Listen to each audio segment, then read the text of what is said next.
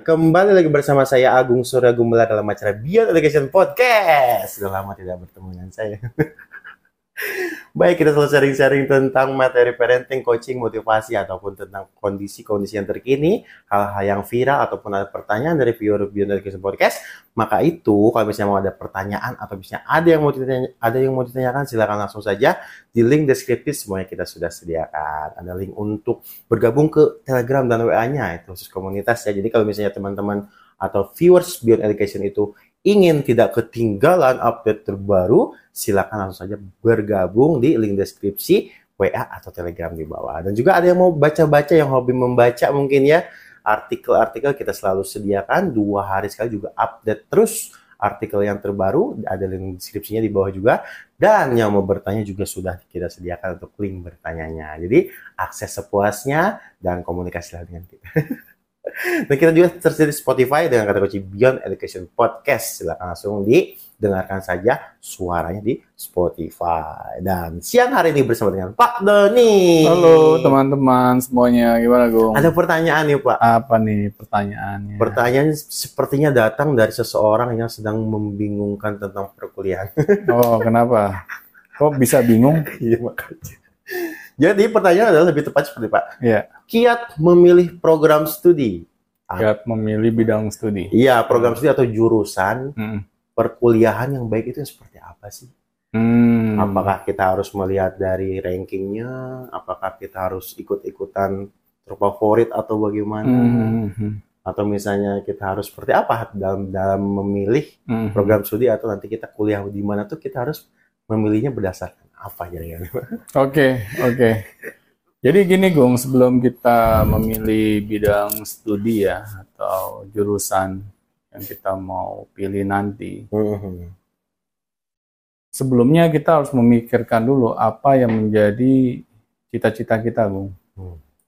Karena apa? Karena banyak orang Hmm. yang dia hanya fokus terhadap jurusan apa yang dia mau pilih, tetapi dia tidak jelas gitu alasan dia memilih jurusan itu karena apa. Hmm. Banyak terjadi sepertinya itu.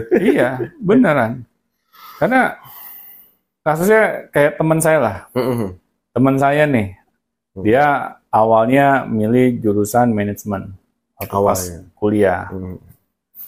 Dan nggak tahu kenapa di tengah jalan, baru satu tahun berjalan ya, dia tiba-tiba berubah. Milih jurusan hukum. Hmm. Jadi loncat kan, Mhm. dari manajemen ke hukum. Saya tanya, kenapa lu pindah? Gue nggak kuat doang di manajemen gitu kan. Iya. iya. Berat, banyak hitung-hitungannya. Mhm. Ya terus lu nggak tahu di manajemen banyak hitung-hitungan? Mhm. Nggak tahu gue, waduh. Waduh. Berarti sebelumnya nggak tahu juga itu ya. Nggak dia Dia riset kuliah. dulu gitu. Iya kuliah di manajemen. Beneran. Oh, gitu. dia nggak dia nggak meriset apa nih yang akan saya hadapi nanti pas saya kuliah. Mhm. Akhirnya dia loncat ke jurusan hukum karena dia melihat jurusan hukum itu nggak ada hitung-hitungannya. Hmm. Jadi kita melandasi keputusan kita dalam memilih jurusan Hmm. itu dikarenakan ya ada pelajaran yang kita tidak suka atau ada pelajaran yang kita suka. Jadi hanya sebatas itu saja. Landasannya kurang kuat kayaknya Pak kalau begitu Pak. landasannya sangat tidak kuat. Bayangin ya, yang Iya, namanya kita kuliah itu berapa lama sih kita kuliah jar- waktunya? Untuk eh, batas normalnya empat setengah tahun. Empat setengah tahun. Kalau nggak ditambah sama Iya. ah, mata kuliah mata kuliah nggak lulus gitu, Iya iya. iya. Nah, bisa molor. Hmm. Sedangkan semakin lama kita di bangku kuliah, semakin biaya membengkak nggak? Iya pasti Pak. Ada nggak kuliah sekarang yang murah? Rata-rata sih ya sesuai dengan zamannya. Ya pastinya nggak ada kuliah yang murah ya. Iya. Bisa dibandingkan dunia sekolah lah. Iya. biasanya dunia kuliah itu jauh lebih mahal. Mhm. Nah, tetapi kalau kita sampai salah jurusan di waktu kuliah, maka yang bermasalah itu akan lebih banyak gitu, Bung. Iya. Bukan hanya diri kita saja, orang tua kita yang membiayai kita juga sama. Kalau orang tua kita memiliki budget lebih, Hmm. ya, kita bisa pindah jurusan misalnya Dengan seenaknya. dengan seenaknya. Tapi kalau nggak bisa, bagaimana coba? Iya. Pasti orang tua kita ngamuk nggak? Pasti. Apalagi kalau misalnya awalnya dia kedokteran gitu ya. Wah, itu lebih parah, itu lebih mahal lagi tuh. Terus pindah. Ah, Kacau udah udah. nah itu, Bung. Iya, iya. iya. Jadi kalau menurut saya, ketika kita ingin memilih jurusan Hmm. pas kuliah, kita jangan asal pilih gitu. Iya, itu. Ah, kita harus meriset Hmm. apakah jurus jurusan kuliah yang kita pilih ini ini sesuai dengan cita-cita kita. Nah, banyak yang nggak ngeriset ke sana sih, Pak. Beneran. Ah, jadi asal milih aja gitu. Yang rame apa sih ya rame Ah, gitu ya. Manajemen. ikut-ikutan temen lah kayak gitu kan. Iya, iya. Misalnya sekarang lagi ngetrennya IT, semuanya ke IT. Hmm, yang gampang cari kerja. Nah, yang gampang dapat kerja, yang cuannya katanya banyak, iya, jurusannya. Nah, akhirnya pas kita terjun ke dalamnya, Hmm, nggak seindah bayangan kita sebelumnya, Bung. Betul. Malahan kita tersiksa selama kuliah. Udah tahu nih, misalnya bidang IT itu nggak nggak semudah itu gitu ya, kalau Hmm. kita terjun langsung di dalamnya gitu. Hmm. Kita udah terlanjur di sana. Hmm. Akhirnya bagaimana nasib IPK kita? Anjlok-anjlok kan. Ya udah pasti. Kita udah bayar mahal, kita udah menghabiskan waktu dan energi kita di sana, Hmm, tetapi hasilnya nggak sesuai dengan harapan kita. Betul. Ujung-ujungnya kan pas kita misalnya mendapatkan ijazah gitu, Hmm, kita tersertified lah S1 gitu. hmm. Tetapi ilmu yang kita dapatkan kita nggak nggak bisa manfaatkan. Iya Nah, biasanya. bagaimana coba? Lulusan dengan apa jurusan dengan kerjaan beda gitu. Benar, itu yang akan terjadi, Gung. Nah, tetapi pertanyaannya mau sampai kapan? Hmm. Apakah itu jadi hal yang normal dengan cara kita asal mengambil jurusan di waktu kita kuliah? Iya. Padahal yang namanya waktu itu kalau kita tidak pakai dengan benar-benar ya, benar-benar istilahnya semaksimal mungkin, Hmm. Maka kita akan menyia-nyiakan hidup kita, Bung. Karena waktu itu nggak bisa kita ulang. Iya. Nah, sedangkan waktu kuliah itu panjang lagi. Hmm. Nah, seharusnya kan kalau kita tahu gitu ya, situasi dan kondisinya seperti itu, kita juga tahu konsekuensinya seperti itu. Nah, Kita harus lebih berhati-hati dalam memilih jurusan kuliah. Kita harus menyamakan apakah jurusan kuliah ini akan sesuai atau membantu kita untuk meraih cita-cita kita atau tidak. hmm. Jadi jangan kita balik gitu. Iya, iya. Kita milih jurusannya dulu, Baru ah, cita-citanya. baru cita-citanya. Nah ini kan kacau banget gitu. Ya, yang saya alami sih begitu sih, Pak. Nah itu, jadi kalau Masuknya ke mana dulu nih gitu benar, benar, Apa sih? benar, benar. Iya, iya. iya. Akhirnya itu yang menjadi suatu hal yang lumrah di masyarakat gitu. Kalau yang namanya kita kuliahnya apa, Hmm. kerjanya apa, Hmm. meskipun berbeda itu hal yang normal. Iya. Padahal menurut saya itu hal yang nggak normal gitu. Tapi kita bikin normal. Nah, bayangin ya, kita udah banyak hal yang kita korbanin untuk kuliah. Hmm. Tetapi hasilnya tidak bisa kita manfaatkan. Bukankah hal itu adalah hal yang ini ya, mubazir gitu. Sia-sia gitu. Sia-sia gitu. Nah, ini yang kadang kita saya nggak habis pikir gitu. Ini Hmm. udah zaman berubah sampai semodern ini, Hmm, Masih ada aja gitu. masih aja ada orang yang menganggap hal itu normal gitu. Ya kayak kemarin saya ketemu orang tua murid ya, Hmm. dia bilang ke saya, saya ini Pak Doni kuliahnya kalau nggak saya kalau nggak salah tuh kuliah teknik perkapalan gitu. Hmm. Tapi sekarang saya bisnis online. Iya, iya. iya. Nggak, nggak, nggak mainin kapal ya? iya, ternyata waktu dia pas kuliah dia ngerasa dia salah jurusan. Oh. Nah itu. Berarti kan yang penting kuliah aja gitu. Hmm. Mau nanti kerjanya apa ya urusan ntar. Kan masih jauh. Hmm. ya. Ngapain kita pikirin dari sekarang? Nah, ini kan konyol banget. Kita sudah tahu gitu ya, kita pernah mendengar pengalaman orang-orang yang melakukan hal itu sebelumnya. Hmm. Dan itu dampaknya buruk gitu bagi masa depan mereka. Loh kok kita ulangin? Di kuliah tuh hanya sekedar tuntutan aja sebenarnya. Iya, jadi sekedar formalitas, Formalitas gitu. untuk menyenangkan orang Benar, tua. benar. Beneran. Nah, sedangkan Iya. pihak sekolah juga kadang tidak mengajari anak-anak didiknya. Hmm. Nah, kamu jangan sampai salah jurusan ya waktu nanti kuliah. Hmm. Kamu coba deh pikira, pikirkan gitu dengan matang. Hmm. Kamu mau kuliah apa? Apakah ini sesuai dengan bakat minat kamu, jurusannya? Apakah sesuai dengan cita-cita kamu? Hmm. Ini seharusnya anak-anak patut diberitahukan hal-hal seperti ini. Baik itu pihak sekolah maupun pihak orang tua. Every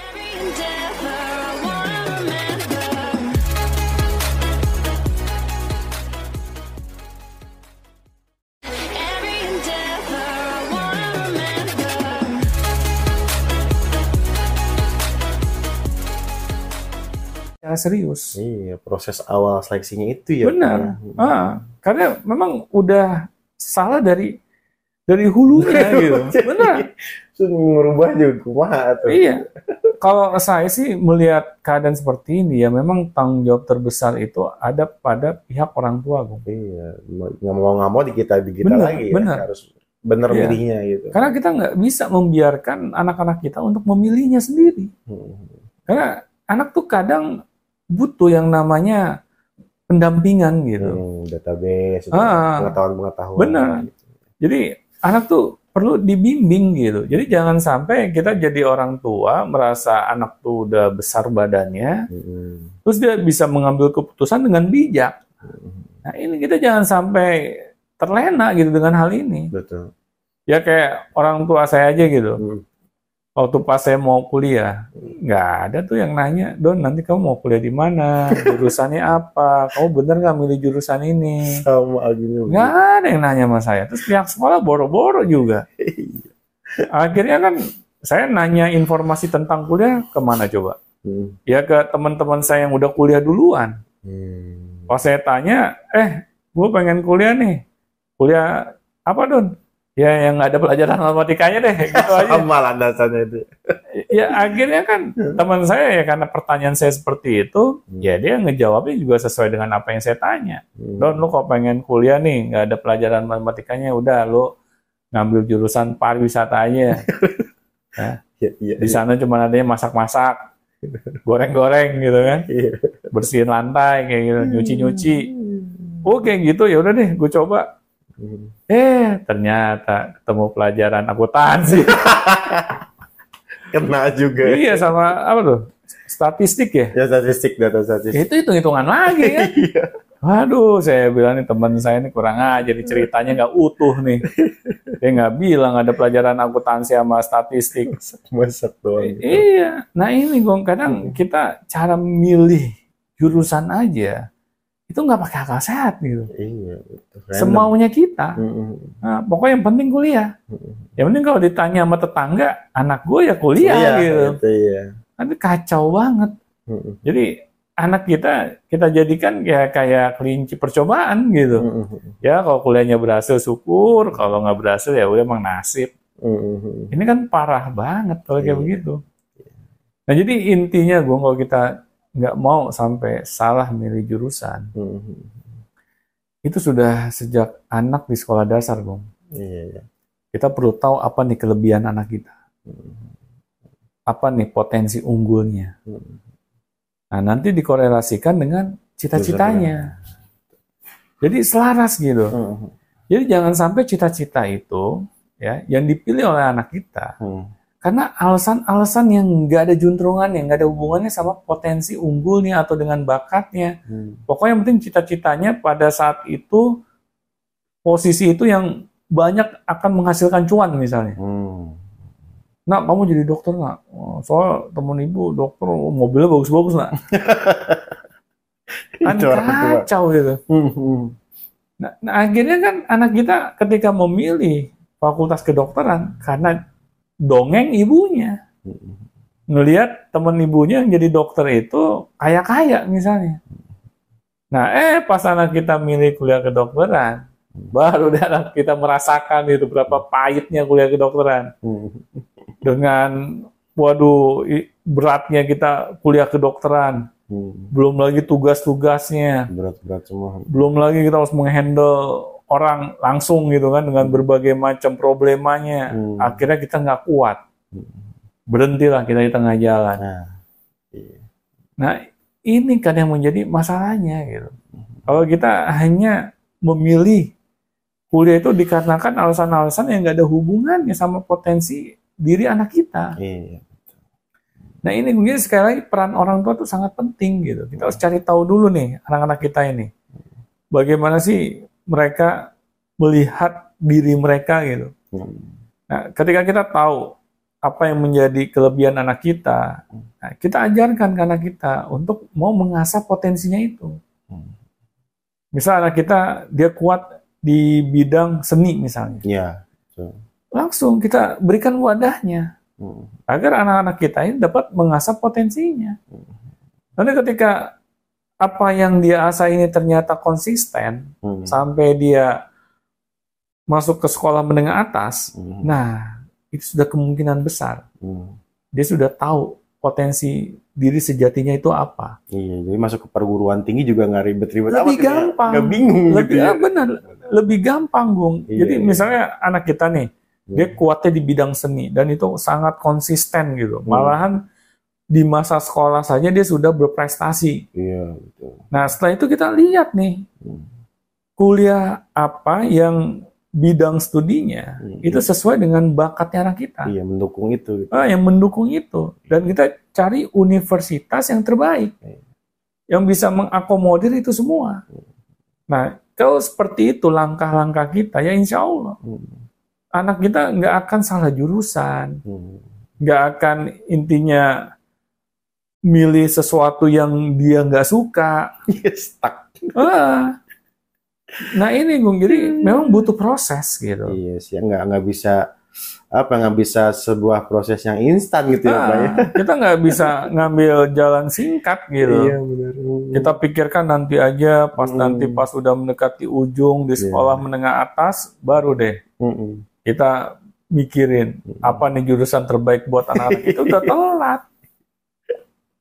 Makanya saya selalu bilang nih ke murid-murid saya yang udah di ujung-ujung ini ya sekolah menengah atas gitu. Hmm. Nah, coba kamu tanya dulu ke diri kamu, apa nih yang kamu suka, apa yang kamu inginkan. Hmm. Jadi jangan sampai kamu tuh pas kuliah, kamu asal milihnya. Hmm. Coba tanya ke diri kamu dulu. Apakah dari hobi kamu Hmm.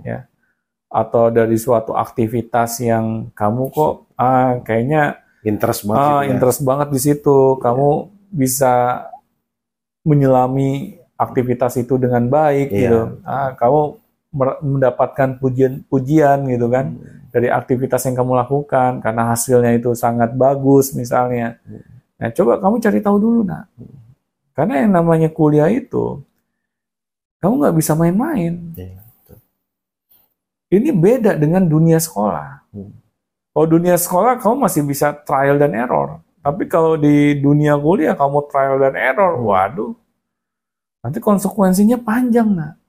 Karena banyak loh teman-teman bapak gitu yang bapak lihat, misalnya pas kuliah salah jurusan, terus Hmm. mereka mau nggak mau harus terjun ke masyarakat, Hmm. apalagi ditambah mereka harus hidup berkeluarga, Iya, terseok-seok gitu. terseok-seok. Nah, mereka akhirnya ya dengan terpaksa gitu Hmm. kerja di bidang yang mereka nggak suka. Nggak suka. Akhirnya selama kerja ya mereka nggak bisa perform. Hmm.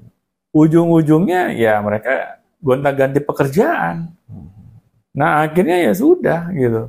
Mereka kehidupannya ya seperti jalan di tempat gitu, Bung. Hmm. Nah masa sih kita mau mempertaruhkan masa depan kita Hmm. dengan cara-cara yang seperti itu gitu. Hmm.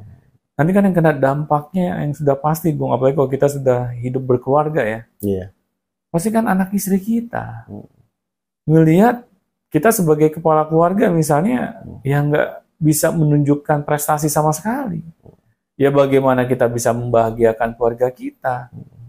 Nah ini, Bung. Jadi PR kita tuh janganlah kita menganggap salah mengambil jurusan itu adalah hal yang normal. Hal Gitu. yang lumrah gitu. Hal yang lumrah. Udah biasa. Ah, j- jangan kita anggap itu suatu hal yang umum gitu. Hmm. Dari dulu itu Ah. nggak tren banget. Tetapi jadikan itu pelajaran gitu Iya. bagi kita. Ya sudahlah, kalau misalnya orang-orang terdekat kita sudah melakukan hal-hal yang seperti itu, tetapi jangan sampai nih anak kita melakukan hal yang sama. Nah dari dari situ gue ada hal yang bisa kita petik pembelajaran Hmm. bahwa jangan sampai kita untuk kedua kalinya Hmm. Mengambil suatu keputusan yang tanpa kita pikirkan dengan matang. Oke. Terima kasih Pak Doni Sama-sama. Dan sampai jumpa di Beyond Education selanjutnya. Sampai jumpa teman-teman.